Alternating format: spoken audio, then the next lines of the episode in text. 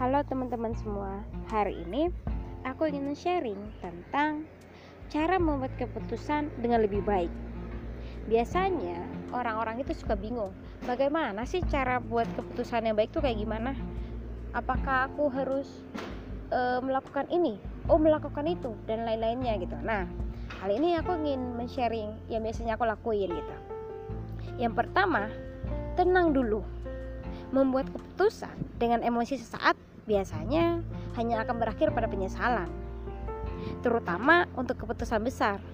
Pastikan kita sudah berpikir jernih, penuh pertimbangan dan tanggung jawab. Tenangkan diri kita dulu.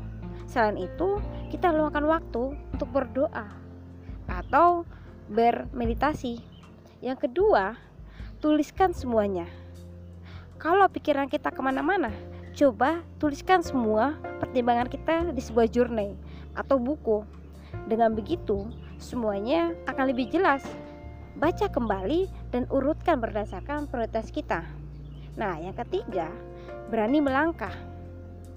Sematang apa pun pertimbangan kita, kalau kita tidak berani melangkah, maka kita juga nggak akan maju. Seringkali, suatu keputusan benar atau salah juga tergantung pada apa yang kita lakukan setelahnya dan kebanyakan baru bisa terlihat hasilnya seiring waktu berjalan.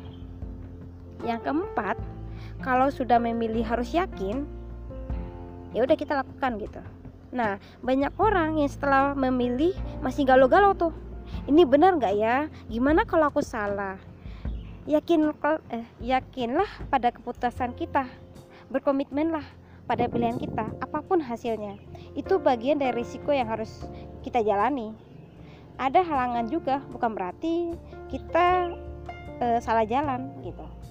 Nah yang kelima atau yang terakhir adalah kita selalu boleh berubah. Ini hal yang sering kali dilupakan.